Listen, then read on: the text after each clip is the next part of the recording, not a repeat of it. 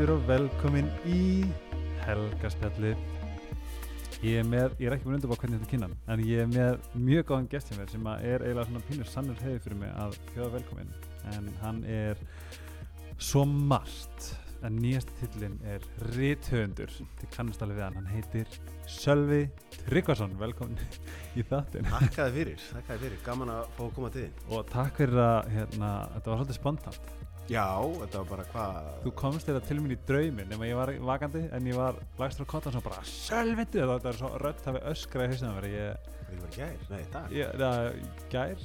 Gær, já. Bara, bara, bara auðvitað hvað er þetta að um bækur hér og svo kom svo skemmtilega óvart sem ég vissi ekki og það var bókin. Já, þú vissir það ekki? Nei. það var eftir á þá fekk ég bara svona vá.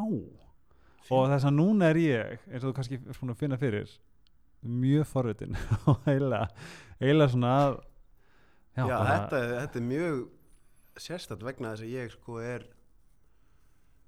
Ég var í fórsýðið til fréttablaðin í dag og ég er búin að vera í sko búin að vera Ég er að honored fara í fimm önnur viðtölu út af bókinni en hins vegar er ég undanfarna mánuð og eiginlega bara nánast Ég síðan ég var í allir geta dansað fyrir á Mhm. þessu ári eða fyrir á, ekki þessu ári, fyrir á árið ári. 2018 í fyrir þá er ég eiginlega bara búin að vera daldi í felum sko. þannig Já. að það er hérna, sérstætt að þú hafið haft samband á þess að vita af bókinni Já, og mér fannst þetta, ég, ég trú alltaf mikið á örlegin, mér finnst þú alltaf vera að, að hérna, bara leika sér, Já, það er en um, mér fannst það mjög aðeinsvært, sérstaklega eins og ég sagði við á hann og reyndar, ástæð fyrir ég er búin að sjá fréttablaður ég, ég býpar undir, undir sko, stiga á meðin á Íslandi. Ég, er bara, ég hoppa bara frá einum sófa yfir í annan af því að hér er ég ekki með neitt sko, base. Já, það er svolítið, en um, mér fannst algjörlega að vera smá bara sign from above að tala um þessa bók af því að ég er ekki búin að ná að lesa hana en djúðum Já, spenntur. já. þetta er góð bók. Ég, hérna um, Ég veit ekki hvort ég á að ganga svo langt að segja að þetta sé það besta sem ég hef gert því ég hef gert mjög margt en ég held, sko, ég, ég er mjög stoltur af bíómyndinni sem ég gerði við fótballalansliðið það Mhm. var tveggja ára vinna að gera þá mynd og Mhm. einmitt hitti á mjög góðan tímapunkt ég ákvað að gera myndina áður en liðið var orðið gott ah, og fylgdi þeim eftir áður en þeir eru góðir Já, já, eða já. skilið þeir voru orðið góðir en þeir voru ekki komnir á þeir komust á loka, í hérna, loka keppni Stormúts í fyrsta skipti þegar ég var búin að fylgja þeim í eitt og halvt ár ok, ok en svona fyrir utan kannski það og, eða þetta er, öðru, þetta er allt öðru í þessi verkefni heldur en það en ég, þetta er klárlega það persónulegasta sem ég hef gert Mhm. á öllum mínum fjölmiðlaferli Mhm.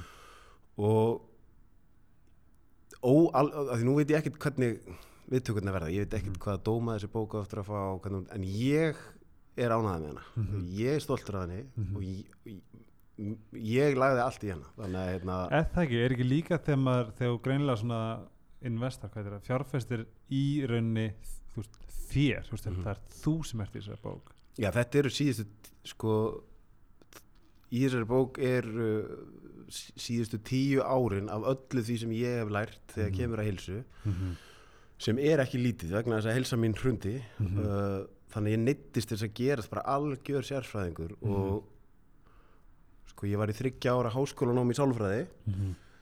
en ég er sennilega búin að lesa fjóru svona meira efni um það sem ég er að skrifa um í þessari bók en ég gerði í öllu háskólanáminu mínu Og ég, þú nefndir þetta áðan þegar við vorum að tala saman eh, og mér fannst það best að vita, sérstaklega fyrir svona okkur sem að erum ekki alveg þar en örskýringar af öllu því sem þú hefur lært gæti ekki verið betri hugmynd fyrir okkur sem Já. að, þú veist af því ég er bara heilsa er mitt passion mm -hmm. Þannig að ég er tilbúin til að lesa 250 blæsina bók um kuldatherapíu eða 300 blæsina bók um ákveðna tegunda næringu eða eitthvað Mhm. eða ég hef verið það ég, svona, þetta, ke- lesturinn kemur og fer hjá mér en Mhm. það er ekkit víst að séu allir tilbúin til þess Nei. þannig að ég í raun og veru er kannski 20% af bókinni er svolítið bara einlega lýsing á því hvernig heilsa mín hrundi Mhm. og svona ég fletta aðeins inn í það bara áhugaverðum sögum úr fjölmjölunum Mhm.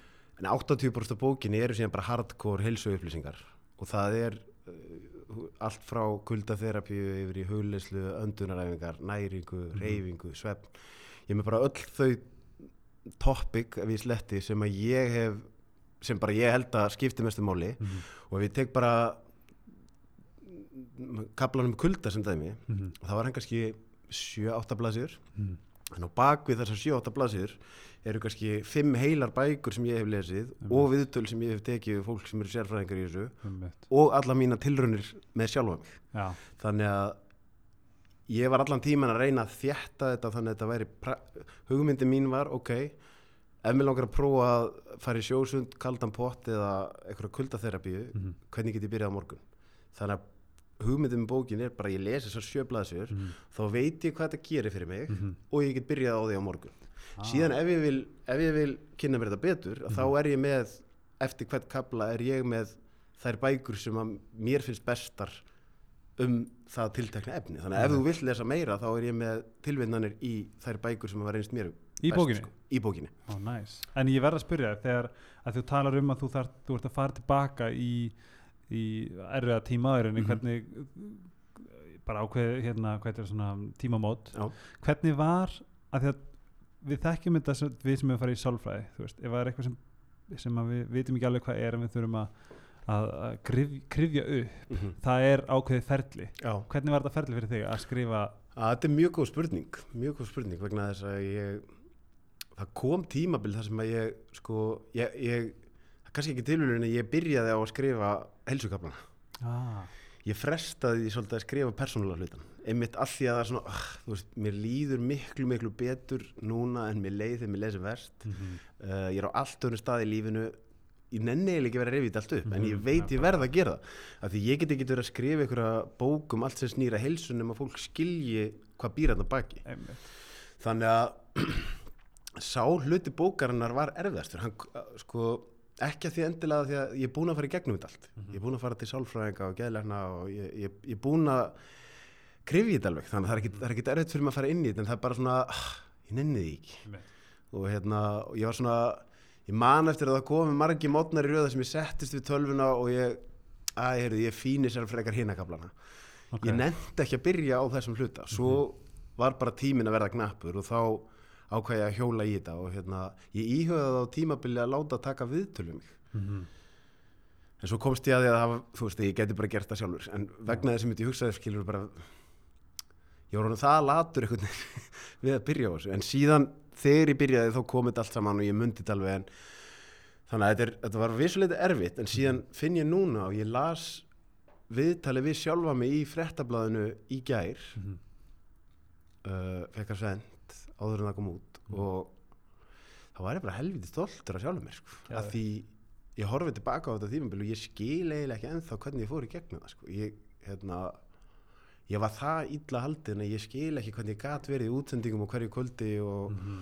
og auðvitað er ég, og ég tala um það í bókinu og, og svona það heimskulegasta sem ég gerði var að feli það ah, ok það var mjög heimskulegt og hérna, gerði vandan töfald verri en enga Mhm. síður þó ég sé alls ekki að mæla með því þá samt er ég einhvern veginn bara svona hvern, þú skilur, ég var með einhverja ráðherra í beinum útsendingum og ég var að nota 15% að heilunum á þér sko. Ah. ég sá það á tvöfalt og, og var bara að hugsa um heyrðu, ég er hérna að taka viðtal en ég er bara í kvíðakasti og á meðan ég var að spyrja spurningarna skiljur ok, þannig að það er með ólíkindum að svo var ég að fá rós eftir viðtalin sko.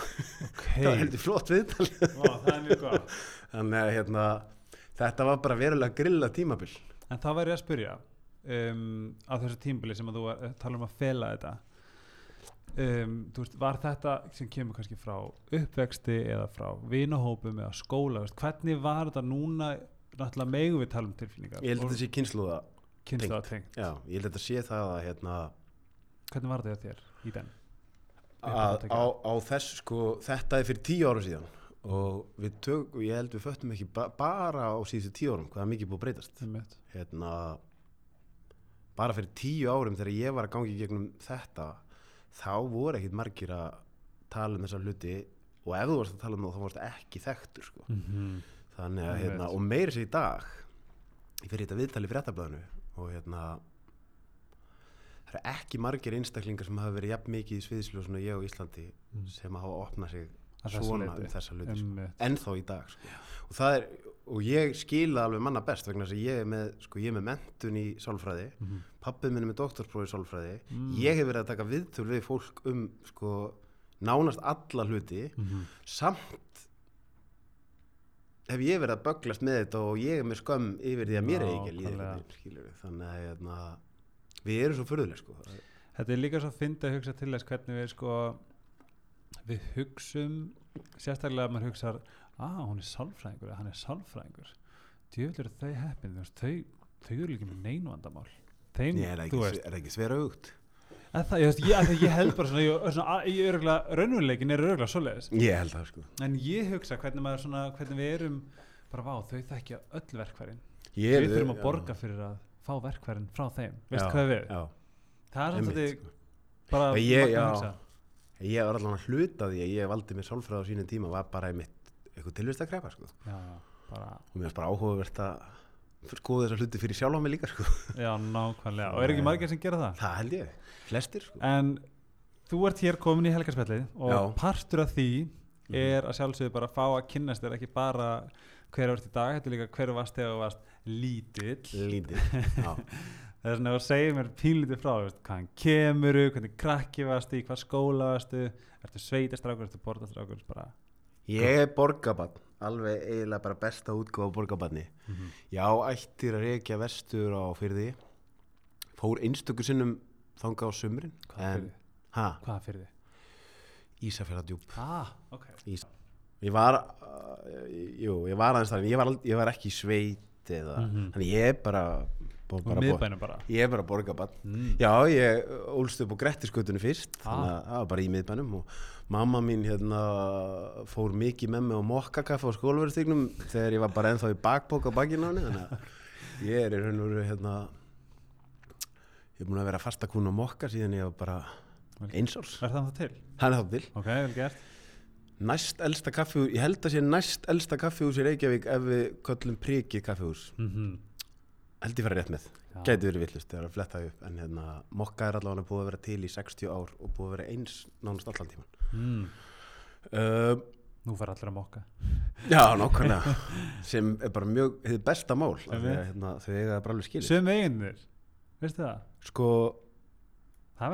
þau voru hjón Já, byrjuðu að reyka þetta, voru sjálfa á bak við kaffivélinni í mörg mörg ár ok. rák þetta bara eins og á að reyka business sko. Bara With heart and aldrei- já, og svo dó hérna maðurinn Mm. fyrir einhverjum, mann ekki hvað mörgum árum síðan og ég veit, sko hún var orðin mjög heilsu veil síðastri vissi hún Guðni á mokka sem er eigandinn, en, en börnin þeir eru með þetta líka, en þetta er fallit fyrirtæki sko. Þess að þú hefur, ég, ég sé það bara þú hefur tengið við þetta. já, algjörlega, Vá, algjörlega sko, algjörlega hérna en svo fer ég í skóla í löginisnu Ok.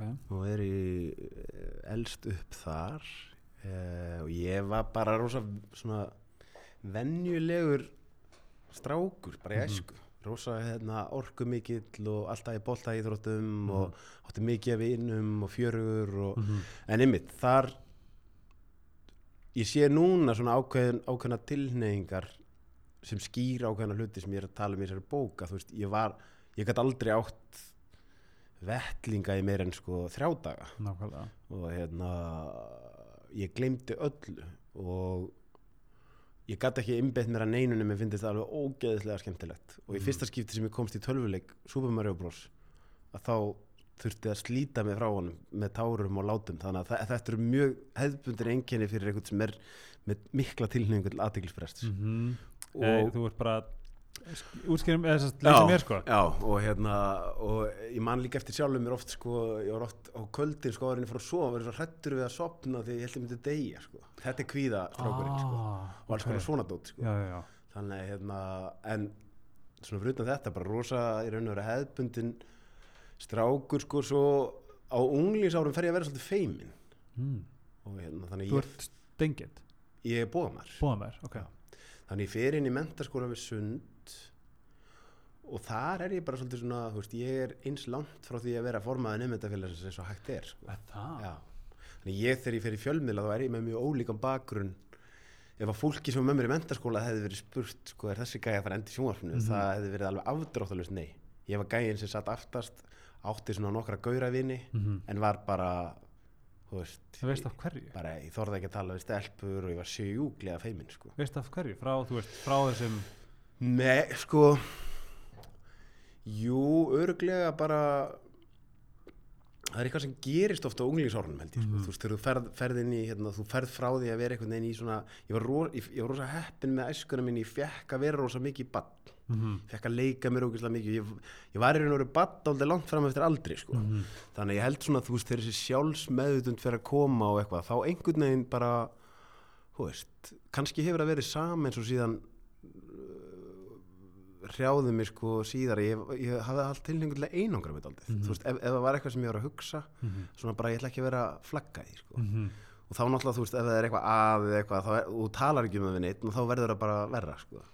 þannig að hérna Ég er líka að hugsa, þú veist, hvort þetta sé þú veist, nú eins og bara með veist, þetta er saman mig, ég get verið mest extró, já, bara heiminum en svo er ég, þú veist, ég er þú veist,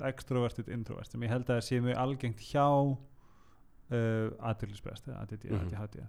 En ég var ég get verið extrovert núna Mhm. en á þessum tíma var ég aldrei extrovert Ah, þú bara Nef, fórst jú, nema, nema ég væri með bestu vinni mín Ok, það er að segja þeir einu sem fengur sjá mig eins og ég raunverulega var Mhm. voru bara best, það var í fjörugur og með læti og já en um leiðu ég kom inn um eitthvað nýtt fólk þá kom bara eitthvað allt annað sölvi sko.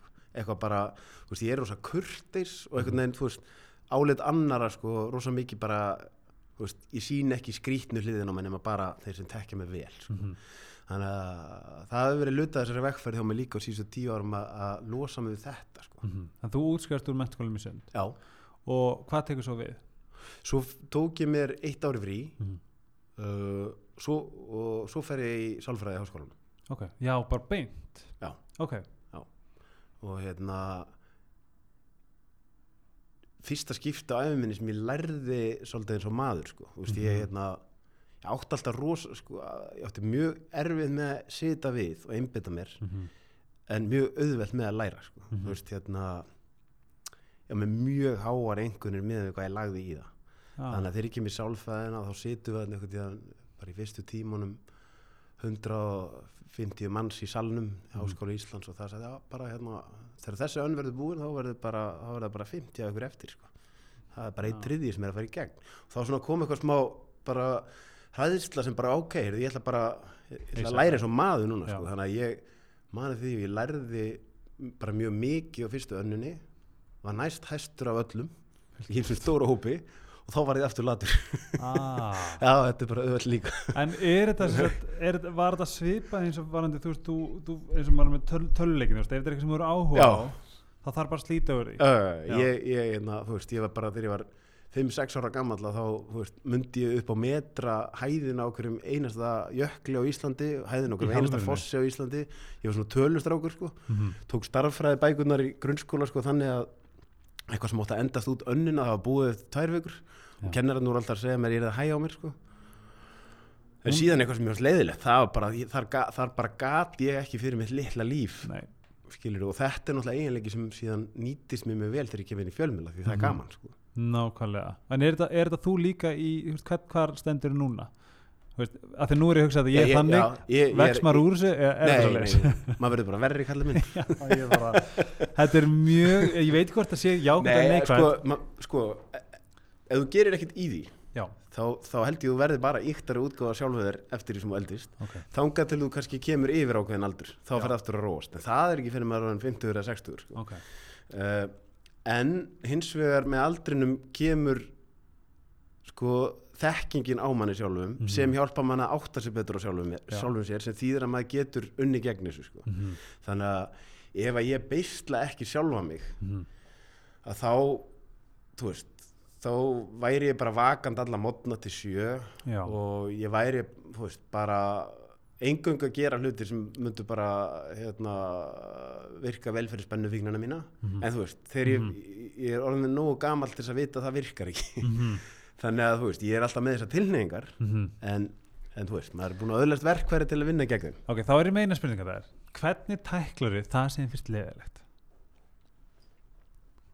Að því ég er að spyrja sko fyrir mig. já, sko, það fengi svolítið eftir í, það fer svolítið eftir í er það eitthvað leiðilegt sem tekur stuttan tíma eða er það eitthvað leiðilegt sem tekur langa tíma? Segjum að þú ert að fara að Þú ert að taka að tekja veikna verkefni já, sem að borga bara ógislega vel. Já Já, þú veist, borga bara nokkuð vel Þú það þú sem ert ég er borga þá, þá verður náttúrulega sko, stærsta aðrið þá er að vera með þú verður að vera þá með eitthvað sem þú hlakkar til fyrir utan verkefnið Ok, þar að segja, ok. segjum ég sé að fara að vinna við eitthvað 6 eða 8 tími í dag Mhm. og það er alveg drefleðilegt Mhm. ég er þá með eitthvað í kvöld sem ég er finnst æðilegt skemmtilegt ok og ég passa mig líka að reyna að vera líffræðilega í góðu standi þar að segja, þú Mhm. veist, ef ég er að fara að taka svona tímabil þá er ekstra mikilvægt að, að reyfa mig Mhm. og, og borða vel og allt þetta vegna þess að ef að bóðefnakerfið mitt er í lægi þá er líklega að mér finnist eitthvað aðeins skemmtilegra sem Ah. mér finnst hundleðilegt sko. Mhm. þannig að það er klárlega eitthvað sem, sem svona en þú veist eins og til dæmis þessi bíómynd þú veist, þetta hljómar rosa sexy skilur bara Mhm. myndum fótbollalandslið og ferðast með þeim um allan heim Já. og æðislega skilur en bara ég þurfti að fjármagna allir þessa mynd ég þurfti Já. að skrifa handritað henni og svo þurfti að klippa hana og það er ofbóðslega og svo eru sko reglurnar í kringum FIFA og KSI og ofbóðslega Ah. mikið af ég er alveg hræðilegur í einhverju svona Excel vinnu. Þú veist, ég er gæinn sem bara það er eitthvað bein útsending bara geggjað, ég er til í þetta sko. Ok. en, en eitthvað svona, svona þurr mánudags vinna Mm. það er bara þannig að, þannig að það var það sem ég var hver stoltastur af það verkefna, það voru bara veist, það voru bara margir mánudagar sko. já, já, já, og, og átpútið sko að því ég er vanur því ég ger eitthvað í fjölmiðlum ég geri það á mótni og það byrtist í sjónvarpinu að kvöldi. Þannig er ég að gera eitthvað sem byrtist ekki fyrir eftir sko eitt og hálft ár. Einmitt. og þá Ertu ekki ógustlega góður í þetta? aðtiklingsbrest heilin sko skilur ekki veist, hann verður að fá að sjá hann verður að fá að sjá afrakstur vinnuna strax Nákvæmlega þannig að ég þurfti svolítið að tækla sjálfa mig upp og nýtt í þessu verkefni Mhm. sem var bara svona ok og, veist, það er bara, er bara alveg svo allir sem er í frumkvöðla vinnu að starta Mhm. fyrirtæki þú, veist, þú er bara að fara í gegnum rosa langt þurka tímabil Mhm. áður en það kemur sko uppskýra Mhm, Algjörlega og þess vegna er ég eftir þetta sé ég svo margar sem er í ákveðnum, á ákveðnum stað í ferlinu þú Mhm. ert bara á leiðilega staðnum og þú sér það ekki á meðan þú ert á honum að þú verður að þrauka í gegnum hann Einmitt. til þess að sko fá verðlunum Þess að þú myndir aldrei þrjóast í 9 to 5 aldrei. Ok. Gott að heyra Aldrei. Því ég er ef, á, Ég get rætt mig setna En takk fyrir þetta Þetta var, þetta var gott info fyrir mig. Já. Og örgulega marga að noti En Nei, ég myndi ekki. segðu mér þetta frá þegar þú ferð inn í fjölmjöluna Þú, þú veist Við munum náttúrulega bara eftir hvað Íslandi í dag og Já, ég byrjaði einhverju- fréttum Byrja- Byrja, ég er ég er raun og þú veist, einmitt, ætla aldrei að verða fjölmjölamæður Og hvernig, hvernig dettur inn í Ég þetta? er hérna, ég var í sambandi í sjö ár Mhm. og hérna, við vorum búin að vera saman í, hvað ætlum við erum búin að vera saman í? Fjögur, fjögur ára eitthvað svoleiðis. Mhm, og hún er að klára hjúgrunafræði en er einu ára á eftir mér þannig að ég er búið með sálfræðina mhm. var að spáði að vera í framhalsnám en hún á eitt ár eftir að sína þannig að ég segi ok, ég er þá eitt ár í viðbútt á Íslandi og ég ætla að velja mér eitthvað nám sem svolítið, að ég var ekki alveg viss hvað ég vildi gera næst þannig ég valdi hagnýta fjölmjölun ekki að því ég ætlaði að vera fjölmjölamæður heldur að því þar var sko, þar var hagfræði, þar var lögfræði Mhm. þar var stjórnmálafræði og þá sko, það voru svona marg, en ég sá bara ok, hvar fer ég í framhaldsnám ég get Mhm. svolítið séð það þarna svo ef þetta nám búið eins ár sko framhaldsnám í háskólanum þá fer ég alltaf bara að sækja sumavinnu Já, já Hvað ertu Og- gamall svona? Bara 20, býtum við, 24 Mhm. mm 24 og ég fekk vinnu bæði á fréttablaðinu stóðu tvö Ok og þá var ég einmitt svolítið að debatera er ég, þú veist, á ég að stíga út fyrir þetta feimnabóks og fara bara í sjónvarpið sko.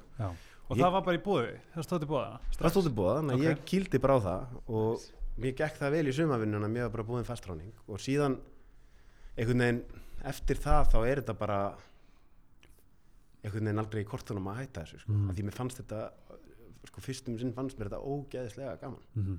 það var bara þannig að það í tvö, þrjú fyrstu árin sem ég var í fjölmjölunum þá var þetta bara það allra skemmtilegast sem ég gerði. Nákvæmlega.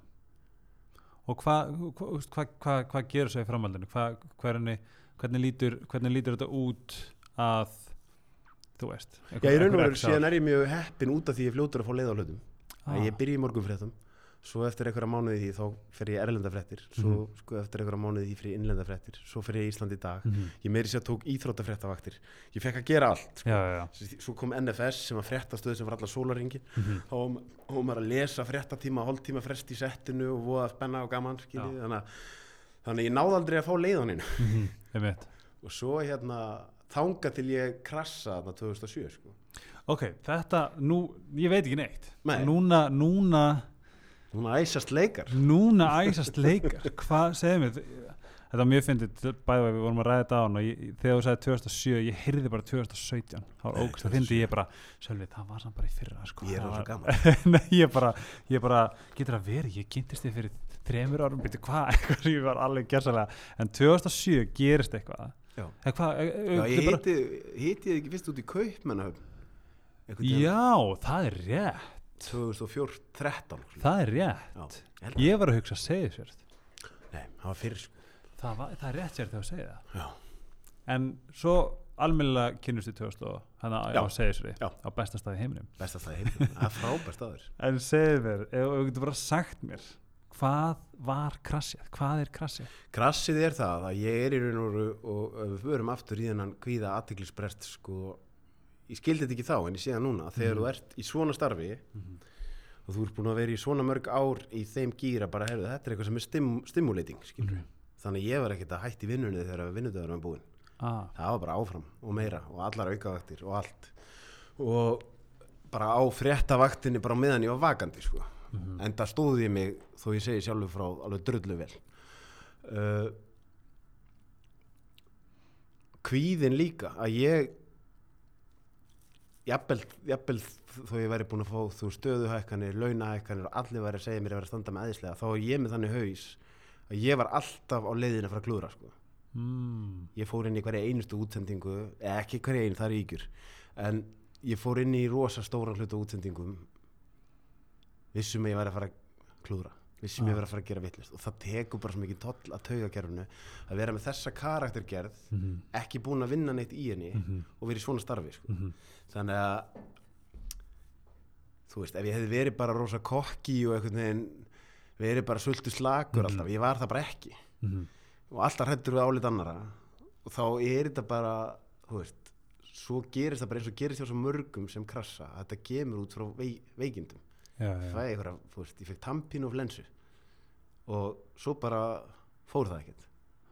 Nei. Ég er í utalansferð á vegum fréttastofunar í New York Mhm. og ég byrja bara að fá svimakost og ég byrja að fá órumveruleika tilfinningu og ég byrja að fá okkur einkenni sem ég bara er það ok, ég er með hita og ég er með tampínu þetta lítur bara að vera það, Mhm. en samt var þetta eitthvað aðeins svona, já, þetta var alveg dúbjus já, þetta var talsvert alvarlegra.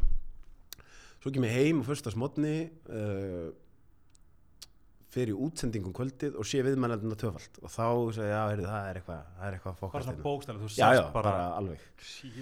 ég afsaka mig, segir ég er lasinn og hérna fer heim um helgina og kvíli mig. Mándeginu mæti ég eftir í vinnu og þá fer þetta bara ekki heldur sko. heldur bara áfram og verður bara verra. Þannig ég fer upp á bráðamótöku um miðan dag, fyrir blóðbrúður og þau segja að ég sé sennilega búin að geira mig út. Sjá eitthvað merkjum oföndun og eitthvað svona dót. og ég er sendur heim með tvö líf sem ég áttaði mikið á þá að voru geðlif sem að þetta eru lif sem geta hjálpa fólki við síþreitu og já. eitthvað sko, og svo í raun og veru bara það eru næstu tíu mánuðir svo ég gerir langar svo stutt það eru næstu tíu mánuðir bara svolítið þannig ég er bara enginnin verða bara fleiri og verri og ofan á það bæti síðan að ég er að gera tilrunum alls konar lif sko. sem Já. eru eins og þeir sem þekkja sem hafa tekið einhvers konar kvíð og þunglitislif það tekur, langan tíma að koma þeim inn í kerfið Einmitt. þú ert að glíma alls konar aukaverkanir og svo tekur líka langan tíma að uh, losa sig við þau sko, Mhm. eða getur tekið það þannig að þú veist, þeir eru að gera tilraunir með kannski 6-8 tegundir af livjum á sama vetri, þá er sko þegar það bætist ofan á öll hinn engina þá er það bara eitthvað algjör grautur Mhm. og svo var ég orðin svo kvíðin yfir því að enginn gætt sagt mér hvað var að mér sko. ég hef Já. búin að fara til allra sérfræðilækna og láta testa allt og hérna, hjartalínurit og heilaskanni og ég veit ekki hvað og hvað sko. og ég var bara orðin algjör hrúa Mhm. í hérna, næsta vor sko. Mhm. og þess að þetta er alveg tíu mánuða dæmi bara Já. þetta er rauninni frá byrjun bara frá byrjun september já, fram í, held að verið byrjun mæ wow. og búin að fara til allra þessar lækna prófa allar þessar pillur og allt þetta dót og, hérna, og varst enda að vinna þarna? En vinna, já, ég þurfti að taka mér einhverja veikindadagarni við Mhm. veturinn, ég er samt náð einhvern veginn rosa mikið að þess að þetta var ekki þessi kullun sem við erum að læra um svona núna, þú veist, þú, þú ert ekki bara ef varst alveg, ef varstu skilju þú jú.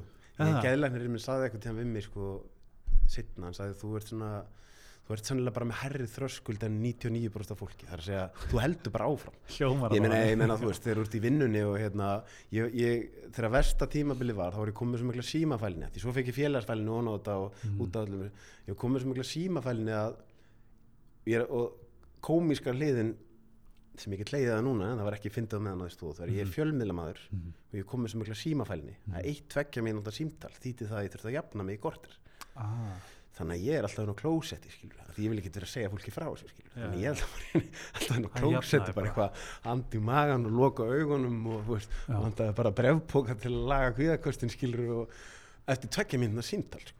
þannig að þú veist það segir svo svolítið sjálft að ef þú það er verulega grillað að halda bara áfram þú ert komin á þennan stað Mhm. þannig að hérna og þú veist ég var að guppa bara ítrekka þegar ég kom heim eftir útsendingar og hágrenja í bílnum og það var uh, bara þannig að ég var klárlega komið með kulnun og rúmlega það. Já, já, en svo var það sem var svo þú, er það klikkað að þú helst áfram? Já, já, það er það sem Já, byrja já. að bila sko. en svo hérna það sem er svo fyndið eftir að hafa verið að leita allra þessara lausni í kerfinu að fæ ég fyrsta glimpsið svo ég sletti af von. Mhm. Þegar ég fyrir ferð, fóreldra mínir höfðu gefið mér uh, ferð með sér sko þau voru að fara til Japan og þau buðu mig með sér í jólagjöf Mhm. og hérna ég var alveg svo mikil kvíða sjúklingur og svo rættu, ég held ég myndi bara ekki meika svona langt flug sko. Mhm. ég bara ætlaði ekki að fara í ferðina sko. Mhm. læt mér samt að hafa það svo öðrum degi í Japan þá gerist eitthvað bara, þá er ég bara komin í nýtt umhverfi, nýtt fólk uh, góðu veðri, Mhm. út í náttúru að Mhm. labba einn þá bara allt í hva- hvarf bara allir veturinn. Ég glindi bara öllum vandamálunum og ég fór bara í eitthvað skoðunar bara algjör bliss núvitund, bara já ok Ah. bara, ég er bara blissfúl út af engu. Mhm.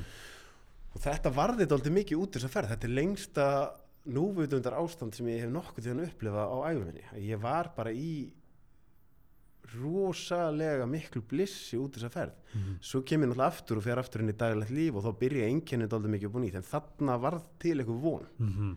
Ok, þú veist, það er hægt að verða eðlur aftur. Og, og þarna verður líka til hugmyndunum bara já, það er ekkit endilega að svörin séu hjá læknunum sko. Ég var bara á, ég var bara á göngutúr þegar ég, þegar ég fekk allir meiri létti frá öllum engjönum heldur en nokkur sérfræðingur hafi getað gefið mér Mhm. í allan enn tíma sko. Ég með eina spurningu, þegar meðan þú varst í gangi þarna, þegar þú varst í þessu bara hella hérna, þennan vetur vissur þarna, var einhvern veginn að segja þig þetta er bara, þetta er kvíði þú, ert kvíðin, eða þú ert já, já sko, vissur hvað það búið- var já, það var já og nei Mhm. sko, það er það hljómar mjög vannþakklátt og fáránlegt að segja það en ég var að vonast til þess að ég er greindur með eitthvað alvarlegt sko. ég var að vonast til þess að út úr einum af þessum skönnum eða línuritum myndi koma eitthvað alvarlegt þannig að ég geti bara, já, heyrðu, ég sem má þú getur leggjast séð, niður og skilur. það er bara, hei, nú vitið þið bara öll hvað er að mér Einmitt. það er hins vegar svolítið erfiðar að ég fekk alls konar greiningar Mhm. en það voru greiningar eins og, veist, þú veist með kvíða. Mhm. þú veist með, hérna, helsti svima sérfræðingur á Íslandi grindi mig með eitthvað svima heilkenni Mhm. og, þú veist, þetta er eitthvað sem fólk skilur ekkert skilur. Nei, nei, ekki og þannig að ég var komið fullt af greiningum konar hérna, meldingar, óþól og hérna, höfuverkjakost og aðteglisbrest og kvíða og alls konar. En hérna það var ekkert samt eitthvað svona skilur ekkert eitthvað svona hardcore líffræði. fólk getur sagt, æ, þú getur tekið parataps og þú veist, bara slappa skilur þannig að, hérna þannig að ég var bæði, ég var komið með mikið af svörum en samt Mhm. ekkert svar Einmitt. ekkert svona, ekkert alvöru svar af því Mhm. þetta er svo mikil einkenna hreina sko. Mhm. uh, en það sem ég sé núna er að og það er svolítið það sem ég langar að gera með þessari bók er að við erum ofta skilgerinn okkur út frá einhverjum einkennum Mhm. fáum, fáum greiningar ég er með kvíðaröskun Mhm. og þá er ég svolítið að segja sjálf mig ég bara setja þetta á ennað á mér hérna, ég er með kvíðaröskun Mhm. og ég verð með kvíðaröskun hvernig ég deg. Ég sé þetta svolítið öðru sko. Þú veist, ég get alveg verið með kvíða núna veist, ég er búin að vera hérna í fullt af viðtölum og var útgáð teiti í dag og ég er búin að drekka Mhm. mikið kaffi það er ekki Mhm. týst verið með kvíða á morgun sko. Og ég er kannski með kvíði í janúar en það er ekki týst verið með kvíði í apríl Mhm. þannig að eftir að ég er búin að fá rosa mikið af greiningum sem í raun og veru eru margar dálítið alvarlegar Mhm. þá er ég búin að ferðast til 30 nýra landa og gera 15 Allt þetta. sjómars þáttaserjur og skilur sem, seg, sem segir mér bara á þú veist ég held alltaf áfram þó ég var að þannig að ég er ánaðið með þann eiginleiki í mér að, að harka að mér og halda áfram en ég er óanaðið með það að ég hafi verið að fela. Já, ég, mér finnst það líka svona lúmst fín lína með að pæla að ég man, þegar ég var greindið með kvíða, það eitthvað í mér sem er ólíkt mér bara, ó, ok, shit. En þá allt í hennu automatíst í dag finnst mér skrítið en ég fór að hugsa nei, ég get þetta ekki að því að ég er með kvíða allt í einu, tó, veist, þessi kvíði þetta, þetta, allt í einu byrja það að stjórna mér Já. og mér er svo skrítið hvernig það gerist að því að ég er ekki þannig típa ég tek stjórn á sjálfur mér Mhm. og ég, ég, ég vinn ógeðslega harti að dansa við djölu minn Mhm. og eins og þessi setning veist, keep your enemies friends close but your enemies closer Mhm. þetta er setning sem ég fatt ekki að þér núna er þetta, veist, hún, hún stjórnar mér stjórnar lífum mín í dag Mhm. það er svona þetta og við, þetta var einmitt eins og þú veist, þetta var period hjá mér uh, tímabil sem ég gaf hann stjórnina. Einmitt. og það er umulagt en ég þurfti að vera held ég ógeðslega sterkur til að gera það ekki eftir að ég þekk greininguna Já, og þetta bara magnast, þú, þú gafst honum frelsi þú slefti takinu af því að þú, veist, þú, veist, þú hættir að berjast tilbaka það er svona að hann tekur það bara stjórn. Þetta er bara eins og sjeffurhundur og agar hann ekki upp þá tekur hann bara algjörlega við. Mhm.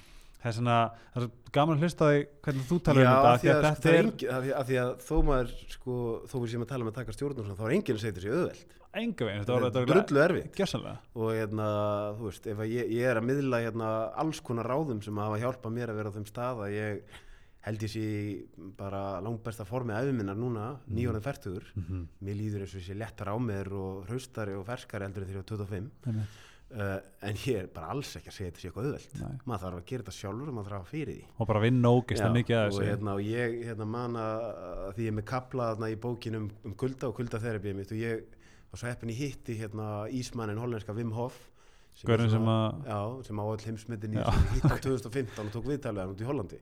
Okay. Og hann sagði mitt eitthvað við mig þá sem festist í mér þegar hann sagði það. hann sagði sko ég, ég gegnum alla mína æfi er búin að komast að því að eina leiðin fyrir mig ég veit ekki hvernig það virkar fyrir annað fólk eina leiðin fyrir mig til að finna alvöru þægindi Mhm. er að fara nógu oft inn í óþægindi oh. og ég Ó. tengi mikið við þetta sko. ég, okay. ég er eina leiðin fyrir mig til að finna alvöru þægindi er að fara nógu oft inn í óþægindi mm. Mm. ok, gæðu og út af því og ég segi bara núna eins og hann ég, ég veit ekki hvernig þetta virkar fyrir annar fólk. Algjörlega. En ef að ég gerir bara það sem heilanum er vill svona þetta er bara þægilegt og fínt mm ef ég er bara heima í þetta snakkbóka og, sjónvarpið og svona þá bara smátt og smátt verði alveg já, það er að segja ef að ég og geta notið þess ég er kannski alveg grillaður ég veit ekki hvort að annar fólk er öðru Mhm. og ég er, er það örgla, ég er örgla mm. snældu bilaður en Já. hérna ef ég geta notið þess að vera heima slaka á og þú veist bind sig við einhverju seri á Netflix og verður svolítið að vera búin að vinna fyrir því sko. ah, já, þú ert búin, að- búin að vera Já. bara og, já, já, já, bara Já, góðri skilur, þá er það tengingu. bara, hey, ég er bara, þú veist að því þessi kvíðahaus er bara þú átt að vera að gera eitthvað þú átt að vera að gera meira, þú átt að vera að gera Já. þetta þú átt að vera að gera hitt, það slöknar á þessu ef ég segi Mhm. bara á, bara ég fór í þennan fokkin kalda pott ég hérna, tók góða æfingu ég gerði hluti og ég, Mhm. þú veist, þá bara hefðu, nú heldur þú bara kæfti ég held slaka á henni í kvöld já, já, já, já, ok, þannig það er þetta mjög góð veist, þetta er góð, góð mynd að mála sérstaklega það fyrir fólk sem veit ekki alveg hvenar og hvernig, hvenar þetta kemur upp skilju, það hljóma píldi þess að þú veist hvenar þetta getur blossa upp Já, já, og Skilurðu? það er annað sem að hljómar alveg mjög furðulega en hérna getur örgulega reynst fólki vel að það er bara að gefa hvort sem það er kvíði eða debur eða eitthvað þrá ekki eitthvað, gefa þessu bara nafn þú veist, já, já, finna, eitthvað, finna nafn á einhverju mannesku sem að þið finnst leiðileg já. og þú veist, horfa á þetta bara sem eitthvað, þú veist eitthvað hérna bara fúlinda leiðilega gæðu og segja bara, ok, nú mátt þú tala í tíu mínútur en svo heldur bara kjæft nákvæmlega, eiga samtali við þetta lið. þá ætla ég að halda áfram með það sem ég er að fara að gera nákvæmlega, þetta er það sem ég þetta er þetta það sem ég er búin að tilika mér að- að ég kalla bara púkin, ég er alltaf kalla Já. púkin. En eins og bara varandi að þetta, þetta, þetta svona destructive thinking hjá mér, varandi útlit og eitthvað svona ég fekk þetta gott ráð, það er að hérna að ég mynd eiga þetta samtal ert eitthvað, ert ógæstlegur já ok, herri, takk, takk, fyrir, takk fyrir þetta, en ég kýs að hlusta ekki á það. Þú veist, Nei. að taka þessar, þetta eru fimm sekundur kannski til þess að eiga þetta samtal sem að, sem að gefi þér valdi já, tekur valdi af þessu sem að þessi- þessum fávita sem býr innan með okkur hvað sem að kallar hann. En samtali, þú veist, sigra hvert einasta samtal. Og þetta er rosa góð punktur því ég, meni, nú er ég með bók sem er sko hún er rosa, þetta er hardcore heilsuróð og rosa Mhm. stór hluta þess að líffræðilegt en ég er með talsvert samt um mental andlega hlutan líka en ég, Mhm. mér líður samt eins og ég gæti alveg skrifa aðra bók um það sko. Mhm, mhm. af því þetta sem þú ert að tala um til dæmis þe- þe- þetta sem þú ert að tala um núna með þú veist, þetta einhvern veginn taka stjórnina og svo svona er eitthvað sem ég hef mikið pælt í og einmitt hérna þú veist, bara núna þegar ég er að gefa út- gefa út bókin ég er nú, nú kom bókin út bara gær og ég hef Mhm. forsið viðtalið í fréttablaðin dag og ég er búin að fá ofbóðslega mikið af fallegum skilabóðum dag Mhm. og gamli ég var einhvern veginn bara ef einhver hefði getað sagt eitthvað neikvægt Mhm. þá hefði verið tilbúin að taka það bara inn á hjartarótum já, já og góð já. Bara, ég er bara með bara hrindi skél af öllu rósa meðan að núna bara tók ég mig til bara ég er búin að vera reyndar full í dag en ég gaf mér kortir á þann, ég bara farið yfir öllu þessi skilabóð Mhm. Og bara þakka fyrir hvert eitt og einastæðum og taka þau svolítið inn og trúa þeim. Bara, veist, þetta er bara mjög vel gert hjá þér. Og það er bara, þú veist, þessi manneski er að meina það. Þegar hún er að senda þér einhver ókunnum manneski út í bæ að senda þér skilabóð og þakka þér fyrir eitthvað efn, bara dásamlegt. Já, taka sinn tíma og, til þess að bara, er, þannig að það, ég held að það sé svolítið svona eitthvað sem Íslending við erum rosa mörg þannig að við erum það er búið aðladóldi mikið upp í okkur að, hérna, að, að það að vera ánæðið með sjálfa sér sé það sama hróki algjörlega. Skilur og við, við, við eigum bara að vera duglegri við að vera stolt að því að við gerum eitthvað vel. Maður á líka bara, að og bara líka, veist, ég- algjörlega líka þess að þú veist að standa fram að speil og segja bara djöðl er þú flottur, djöðl Algjörlega. þú sætur í dag, skilju, af því að þú er ímyndaði hvað hva undirmeðndin tekur þegar þú segir, ó djöðl er þú ógíslega eitthvað miklar og ljótur í dag, Já, þetta, þetta, það hefur allt áhrif við erum flest búin að vera að tala við sjálf okkur sko, eins og við myndum ekki tala við versta óvinn okkar í Nákvæmlega. bara fleiri, fleiri ár sko. en eitt, eitt sem ég var að spyrja bókin heitir hvað? á eigin skinni Á eigin skinni og það er, er svolítið sko út af því að ég er mjög mikið, ég er að tala um alls konar hluti, ég hef lesið mikið í bókum og kynnt mér mjög mikið en ég nánast hvert einasta atrið í bókinni hef ég sjálfu prófað. Já mm þannig að þú veist, þegar ég er að tala um að það sé gott að kvíla snjálfsíman -hmm. þá get ég allan að sagt, ég kvíldi snjálfsíman minni hálft ár. Aha. Já, þannig að ég veit, nú er ég komin aftur í tómt rugl. Já. en, hérna, en ég, ég veit hvað það gerir fyrir Þú mig fórst í detox. Já, og ég veit hvers konar frákvör maður fyrir gegnum. Einmitt. og ef ég tala um föstur þá get ég talað um þar af reynslu vegna að ég hef fastað. Mm ég tala um kulda, ég hef farið í kuldan -hmm. hérna, þannig að, og það sem ég svolítið að reyna að segja með þessari bók er að ég er hérna að presentera eða gefa ykkur bara Mhm. allt það sem ég hef lært. Mhm. það sem mér þetta væntum er ef að þið takið það sem ég er að skrifa prófið þetta allt. Ah, og svo bara finnst ykkur kannski 70% staðar sem vera helvitið þvæla en hinn 30% eru þá eitthvað sem þið takið bara inn í ykkar rútínu Þetta er bara formlegt challenge sem þú ert að, sem ert að senda út. Ég teka því ekki? Nefna kuldanum, nei, tjók, jú, ég ger það. Ég ger það, ég Nei, að kul- en meiri sér kuldin að þar tala ég um kuldan á, dál- með dálítið annari nálgun heldur en ofta gert. Af því að ég líka mér á eins og bara þú veist fara í kalt fótabað, setja Já. kalt vatn framann í sig. Mm. ég er svolítið að það er bara fólk sem er með þannig líkamsgerð að það þólir það bara ekki drúslega vel að fara Mhm. bara beint í einhverja fimm mínútur í kvöldum potti Einmitt. ég til dæmis er búin að vera bara allt, með allt og mikið kortisol flæði í líkamannum í allt og mörg ár út af öllu þessu stressi og það er bara kuldin er áreit á líkamann já, já, ég kann já, að já. hlusta á minn líkamann stundu bara, ég get verið einhverjar marga mínútur, stundum er bara betra fyrir að vera hann stýttra Einmitt.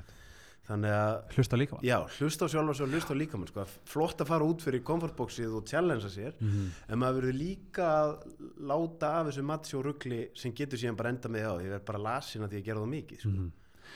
uh, Tilbaka í það sem þú gengur í gegnum hérna í lók, er það ekki lók stöð 2 Jú, Hvað hva tekur við þessast, frá stöð 2 og hva, hvernig hvað, já, ég er raun og veru ég hérna, rekin frá stöðtöðu í árslók 2008 eða Mhm. áramótum 2008-2009 og það var svona bara, þú veist, það var hrunin íbúð að vera Já. brjálulæti í íslensku þjóðfélagi Mhm. og ég nenn, skil, veist, ég nenn ekki að vera fórnalambi eða vælukjói en ég veit bara að það var mjög ósangant já, já, og hérna ég var ég fekk að vita það eftir á að hérna ég var með frjálsar hendur með þátt sem var í beinni útsendingu okkur einasta kvöldi og hafði rosa mikið vægi í þjóðmálumræðinni og ég var bara orðin og frakkur sko. þannig ok. ég, veist ég var að hérna, djöflast í lífeyrissjóðunum og gera alls konar sem ég fekk síðan bara vita síðar frá, Já. sko, veist, það voru ráðherrar sem sögðu mig persónulega að þeir hefðu fengið símtöl bara hvað djöfulan veitir sér strákur bara við verðum ekki einhvern veginn að stoppa hann og eitthvað skilur en allavega, Ok. ég nenni samt ekki að vera í einhverju samsæriskenningum og væli sko. Nei, það, lenda, allir, lenda margir í að vera reknir og það er og örlaunar íta er það, hvert, það sem átt að vera en það var ég bara mjög fljótur að harsla mér völl á nýjum stað ég fór að skjá einn sem var frábært fyrir mitt lífstílin minn að Mhm. losna úr þessu daglegu látum yfir í Mhm. að fá að vera með þátt einu sinni í viku Einmitt. Þá gæti ég temprað betur álægið og stýrt vinnutímanum mínum betur Mhm. og þá er ég svolítið fyrst að geta að færa mig í alvöru út fyrir 9-5 rafmagn, Já, sko. svo fer ég úr, sko, svo er ég með spjallþætti þannig að skjá einum alveg í við höfum ekki gert eitthvað 70-80 þætti þrjú ár og Vá. svo fer ég úr því yfir í fréttaskýringa þættina málið sem að voru svona þá, þú veist svona hálftíma þættir þar sem við vorum að vinna mjög lengi að hverjum þætti Mhm.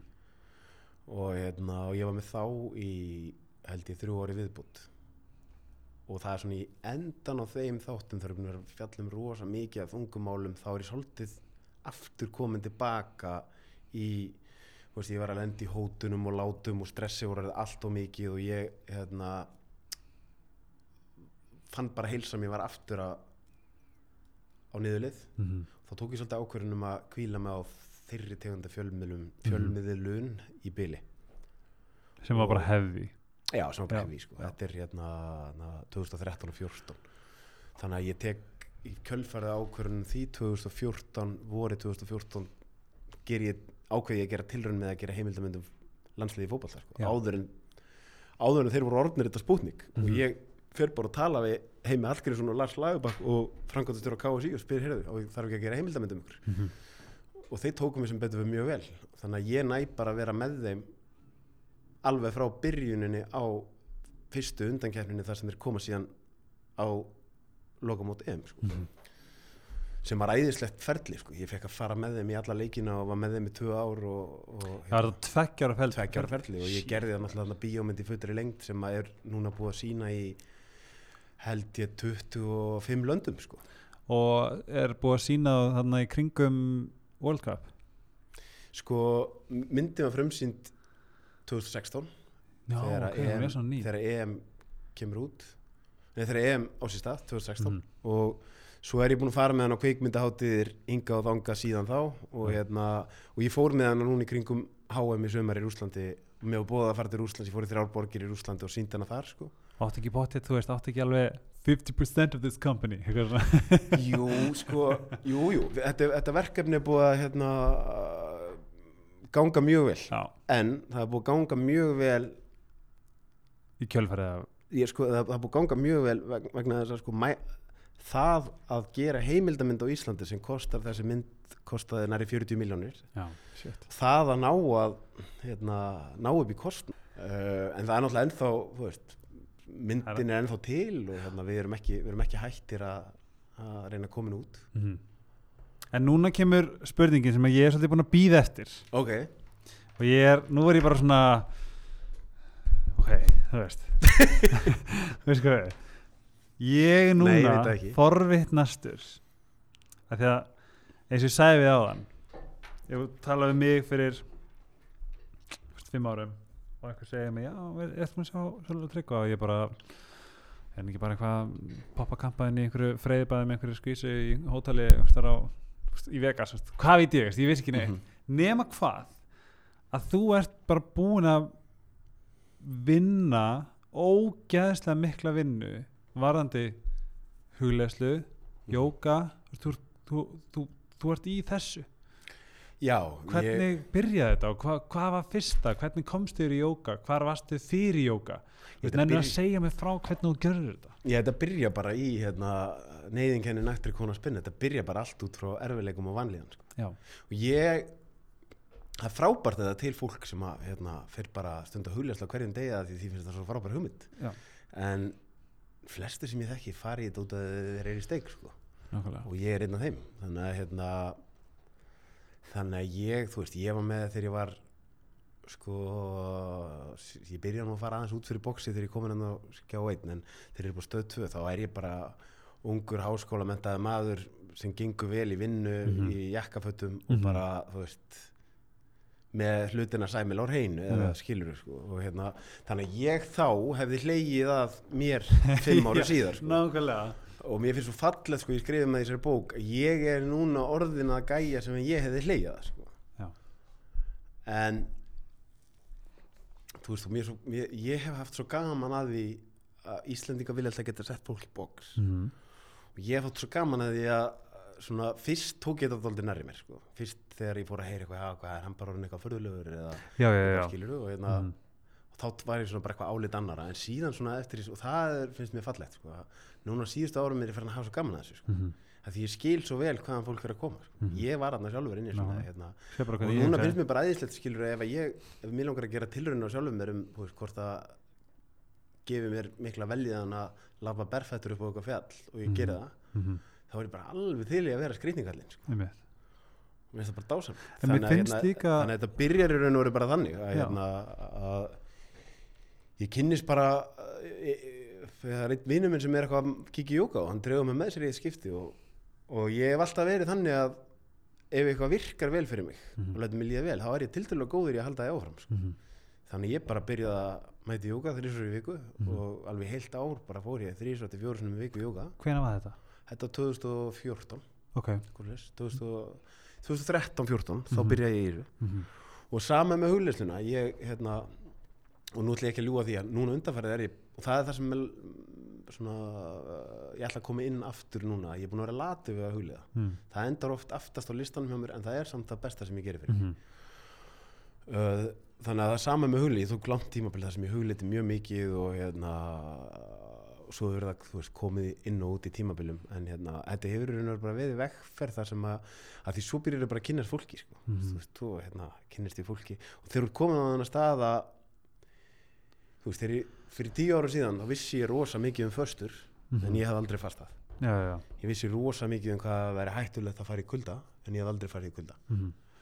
þannig að núna er ég, núna er ég hættur að vera gægin sem veit allt og prófa ekki neitt yfir ég að vera bara gægin sem ég, ég má bara ekki hafa skoðun á hlutum fyrir en ég er búin að prófa það þannig að hérna, ég er bara svo heppin á síðustu árum hefur kynst svo mikið af fólki sem er að gera alls konar hluti Og myndir ekki segja að þau hafa líka haft mjög mikið áhrif á, skiljið bara hvernig þú helst þessu viðgangandi og helst áfram. jú, að því þú veist e, bara eins og hugleisla sko, það er rosalega erfitt að vera aðleitt heima og huglega á hverjum degi eða þú umgengst engan sem hugleður sko, eða þú, að allir þessu hlutir eru þannig að það er gott að gera þá einn en það, þú verður eiginlega líka að hafa félagskap sko. Mhm.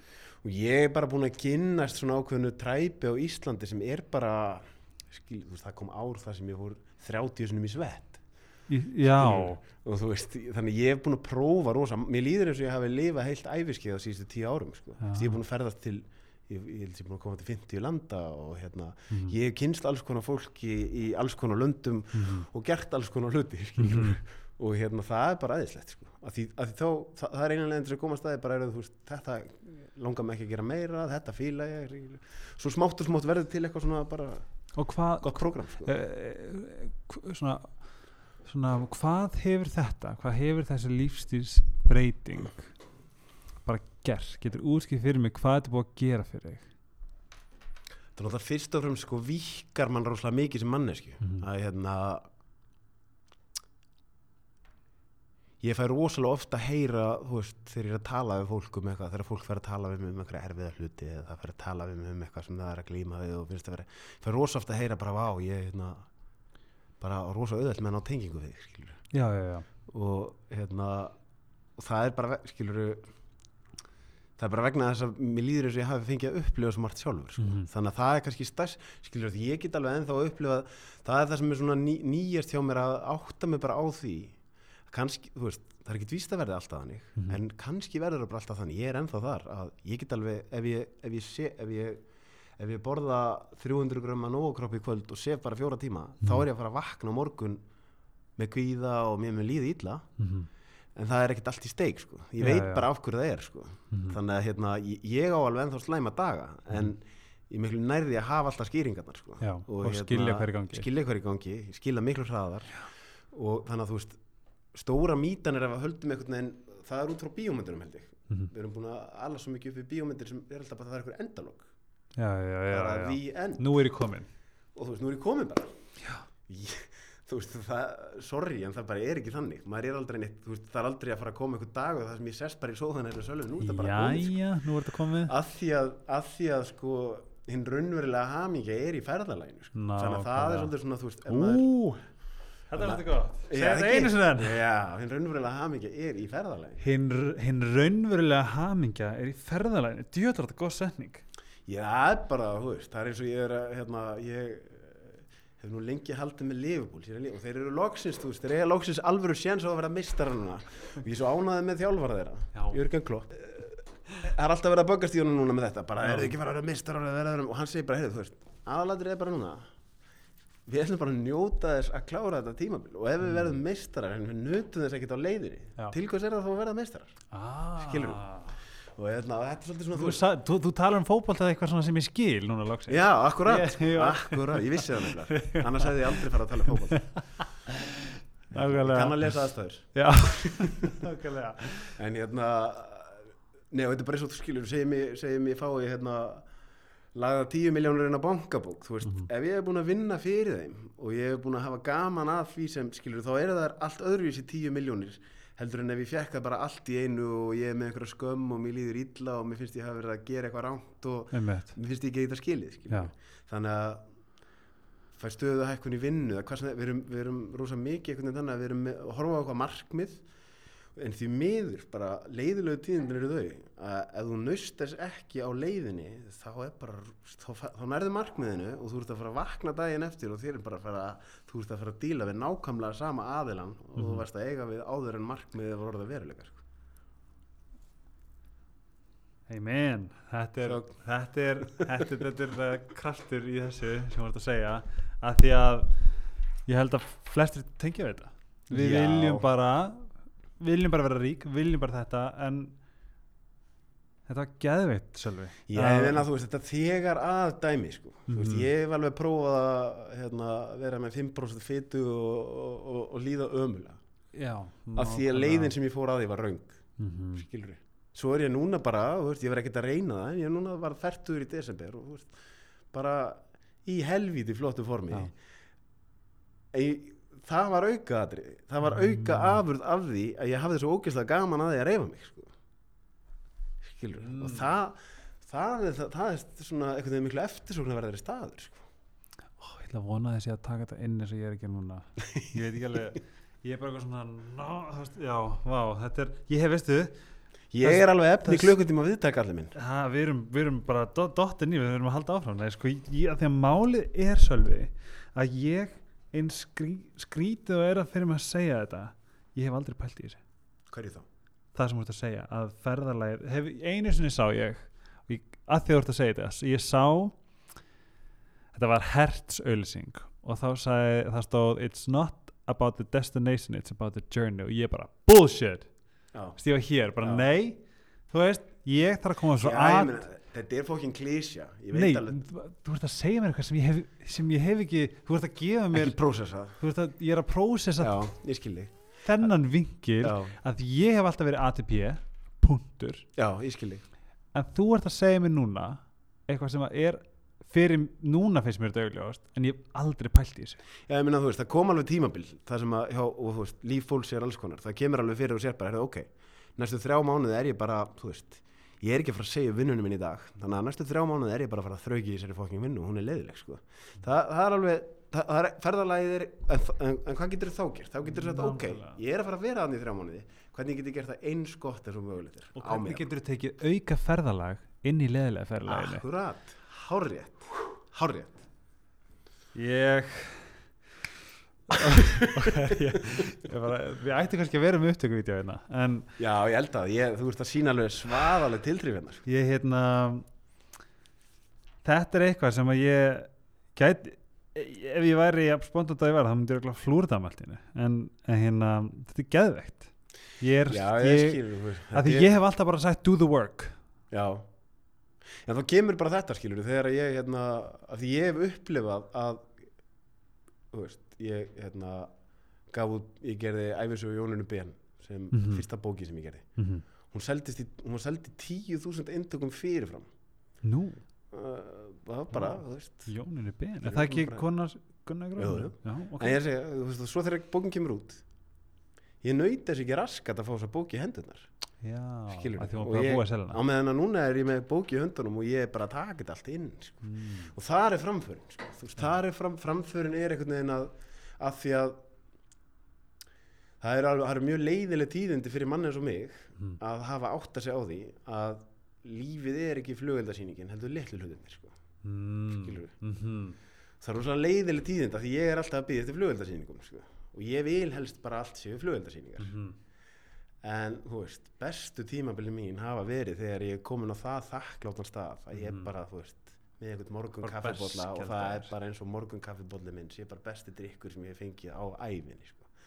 og svo fer ég að hitta einhvern fyrir tilviljun og, bara, og það var þú veist bara einhver sem að knúsaði mig og það bara vá, þú veist, þetta á það að gerast núna og ég er rulli gegnum dagana þannig að það er bara einhverju litlir ómerkilegir hlutir ég er bara jafn Mhm. glaður yfir þeim eins og lítið bann sko. á meðan að svo getur maður verið þú veist, í einhverju verkefni sem gamman er rosa pening maður fekk Mhm. einhverja svaka aðtigli en maður bara nöytir þess ekki neitt sko. Mhm. Ég tengi svo vel við þetta. Og segðu mér þá hvað ráðurstu með fyrir að ná þessu fram? Og þú veist, eins og ég hef ég sko ef ég er að spurða núna bara nú, að ég geng þú veist, ég er með ótrúlega mikið af hlutum sem er að skrifa í þessari bók. Þú veist, þetta er alveg rosalega mikið af ráðum. Mm -hmm.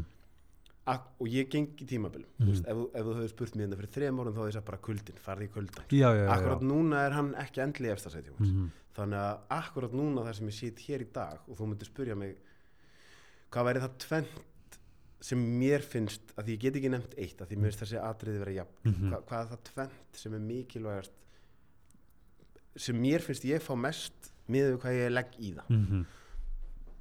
það er að kvíla síman fyrsta hálftíman eftir ég vakna og síðasta hálftíman árin fyrir að sofa. Mm. Þá er ég að fara inn í svefnin án áreita frá heiminum og sérstaklega að byrja daginn minn og ég tek ekki á móti áreitum frá umheiminum. Alltaf að það veri börni mín eða kona mín en sko um, áreiti í gegnum netið, tölvupóst, Facebook hvað sem þetta er, skilur Instagram, eitthvað. Ég tek ekki á móti þessu fyrir en ég er búin að þú veist, vakna að fara í sturtu fá mig gaffabólla, þá er ég til í þetta sko Mm. og þá er ég að útsetta heila minn miklu minna fyrir aðteglisbresti, kvíða, öllum þessum hlutum Mm. þetta er eitt annað atriði sem er sennilega það atriði sem, sem, sem persónulega gefur mér mest með þessari mínútur sem ég seti í það Mm. það er að gera þakklætislista tíu atriði á hverju mótni byrja daginn sinna á því vegna þess að það sem það gerir þetta tekur kannski tvær mínútur Mm.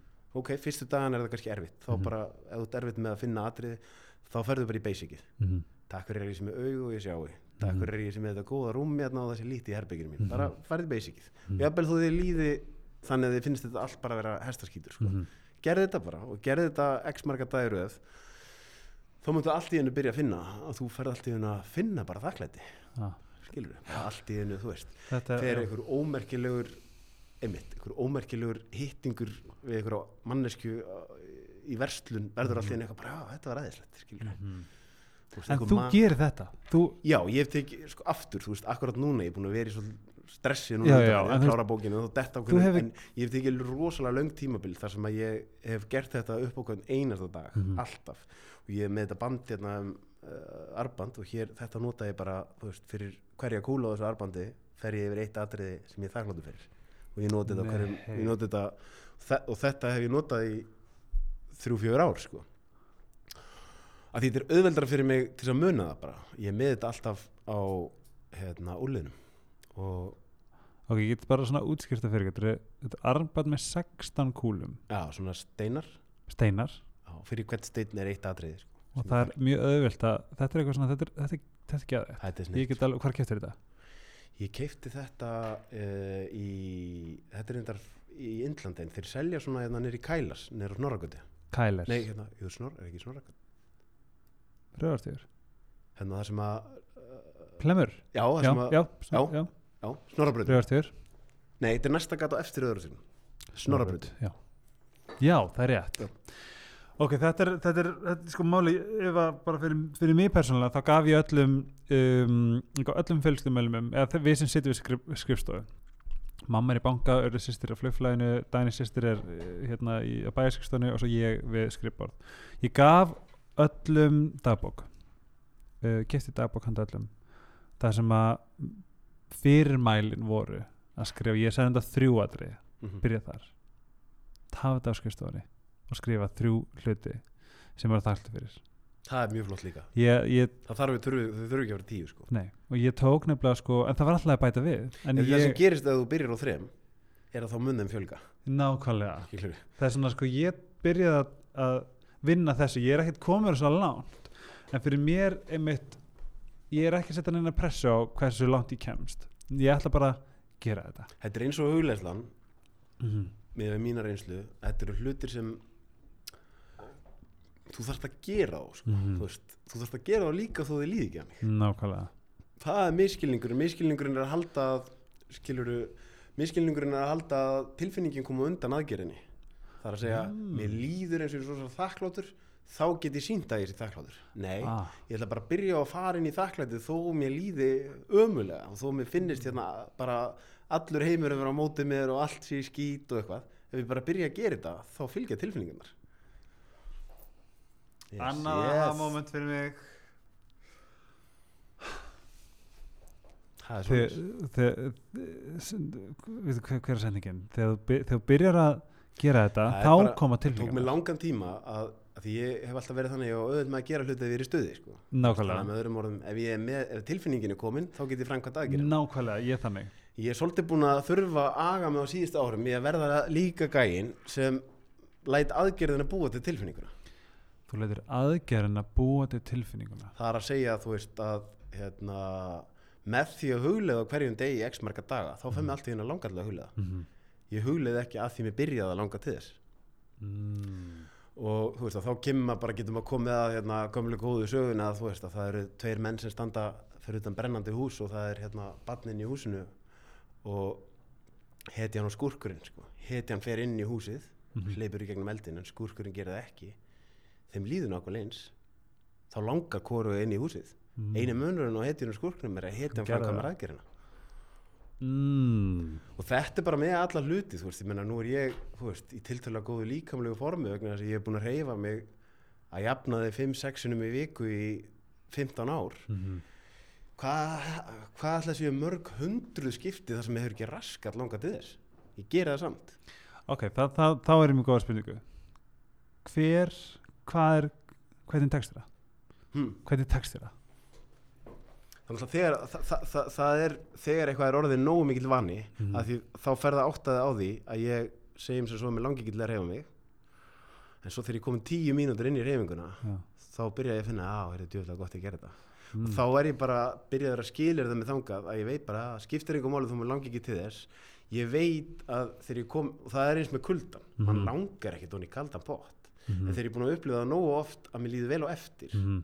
þá er ég farin að finna tilfinninguna sem ég fæ á eftir á undan. Þetta getur líka bara verið geggjað lífsráð.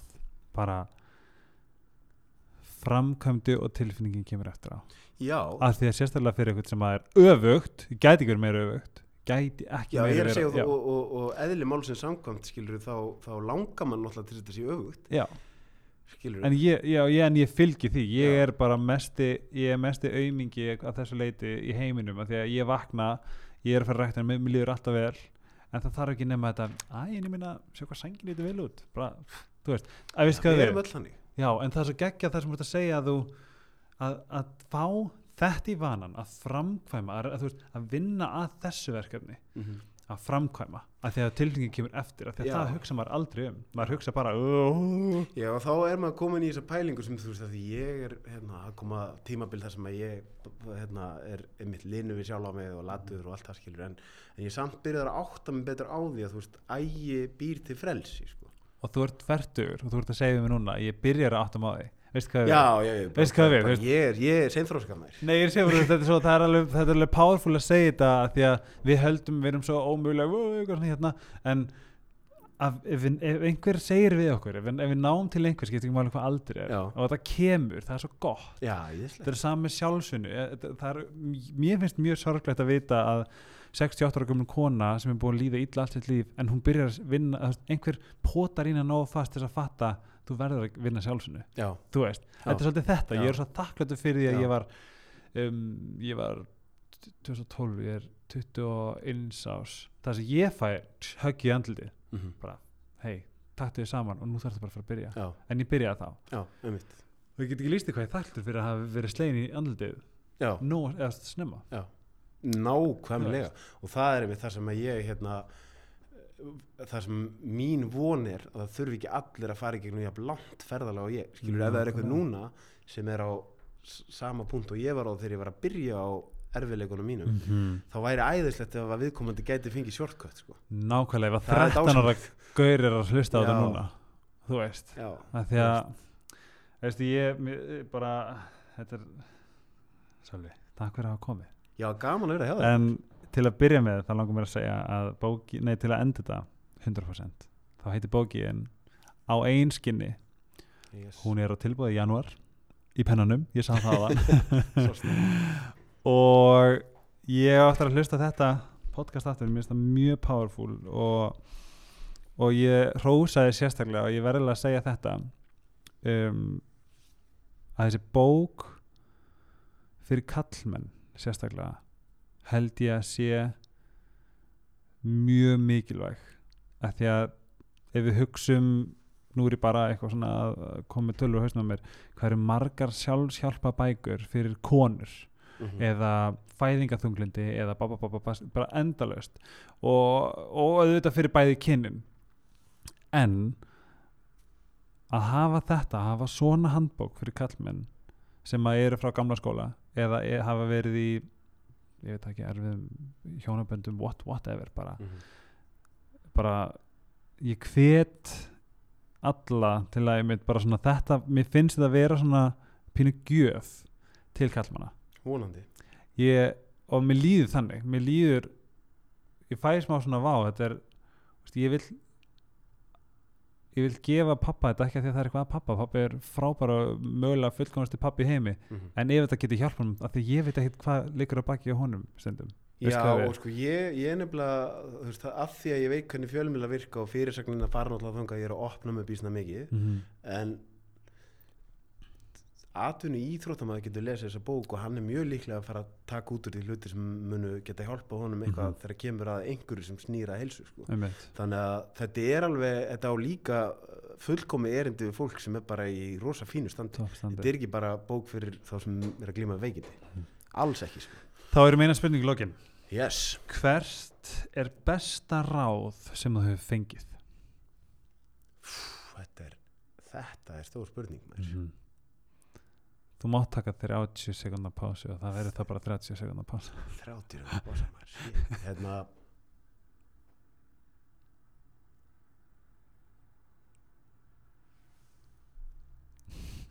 Shit, þetta er svo erfið spurning. Ég þetta að láta það vita árum við byrja Besta, sko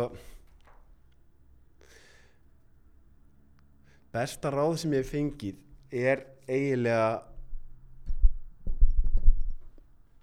svona, þú veist, ég fekk það ekki einhvern veginn í, í, í einni setningu Mhm. en, en það kom til mín í gegnum þú veist, samtölu nokkra aðila sem Mhm. eru svona einhvern veginn hættu að vera svo sem veit fullt um hluti en þú eru ekki að prófa mm. áttaðu á því að þekking kemur með reynslu Mm -hmm. þannig að þorðu að prófa sem flest Mhm. það er leiðin til að fá þekkingu Þetta er mögulega fullkomileg til að klára hana þátt um, Þið getið fylgst með Sölva á Instagram á solvitr Já, Ekki satt? svolítið, svolítið trick Ó, Sölvi Trygg. Trick Sölvi Trygg. Og bókin hans heitir á einn skinni og er komin út og ég hvet allar til að kíkja það. Eh, Þið getið fylgst mér á, á trenni.is ástrík Helgi Ómars og Instagram Helgi Ómarsson. Það hefur verið sannur hefur að fá að tala við þig. Sömuleiðis, og ætla að fá að koma til þín. gangi vel með allt saman hlakka til að fylgjast með þér, Takk sömuleiðis. Við sjáumast